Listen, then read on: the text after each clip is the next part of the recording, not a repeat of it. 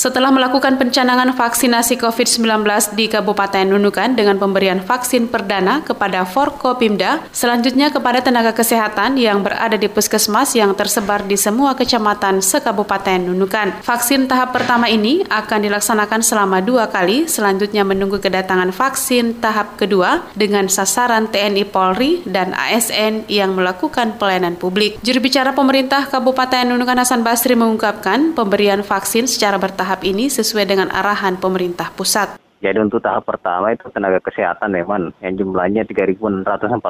Kemudian ada unsur Porkopimda dan tokoh-tokoh masyarakat. Nah selanjutnya 14 hari kemudian diadakan lagi vaksin kedua. Setelah vaksin kedua itu direncanakan bulan Maret nanti tahap kedua. Nah tahap kedua ini uh, eh, TNI Polri, kemudian ASN yang bersentuhan dengan layanan publik. Setelah itu baru dibuka untuk uh, masyarakat umum. Lebih lanjut Hasan Basri menjelaskan vaksin yang didistribusikan ke daerah dalam jumlah terbatas sehingga pemberian vaksin juga bertahap.